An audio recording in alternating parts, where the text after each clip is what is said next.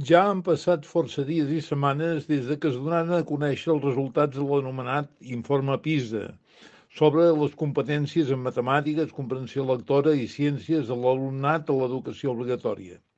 Resultats que donaren peu a tot tipus d'articles, cartes, comentaris, opinions, propostes de grup d'experts, etc. Benvingudes siguin totes aquestes reaccions, si posen precisament el punt de mira en la millora. I ho dic així perquè considero preocupant eh, com se'n fa a vegades un ús molt partidista o parcial atribuint-ho tot a causes úniques, que si la ineficàcia de l'administració educativa o la manca de preparació dels ensenyants o la burocratització excessiva del sistema o a raons socials diverses, etc etc. I potser, amics, també penso que ens convindria preguntar-nos què hi podem fer cada un de nosaltres de manera individual o col·lectiva grupal, per tal que aquests resultats puguin millorar. I és aquí on visualitzo múltiples iniciatives que es porten a terme i que queden sovint quasi en l'anonimat. Accions, per exemple, de persones voluntàries en programes de fort compromís social per l'educació.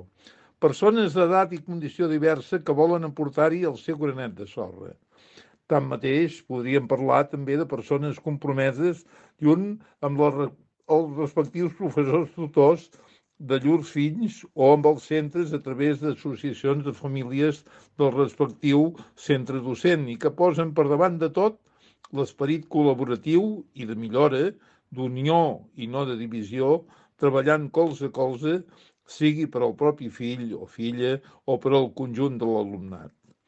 I em pregunto, L'educació, l'ensenyament, és un servei públic com qualsevol altre? O també és un espai compartit en el qual les administracions hi tenen molt a dir a fer, però que alhora tots nosaltres, tota la tribu, com diuen alguns, hi tenim molta responsabilitat? En seguirem parlant perquè, amics, l'educació és cosa de tots. Que tingueu un molt bon dia.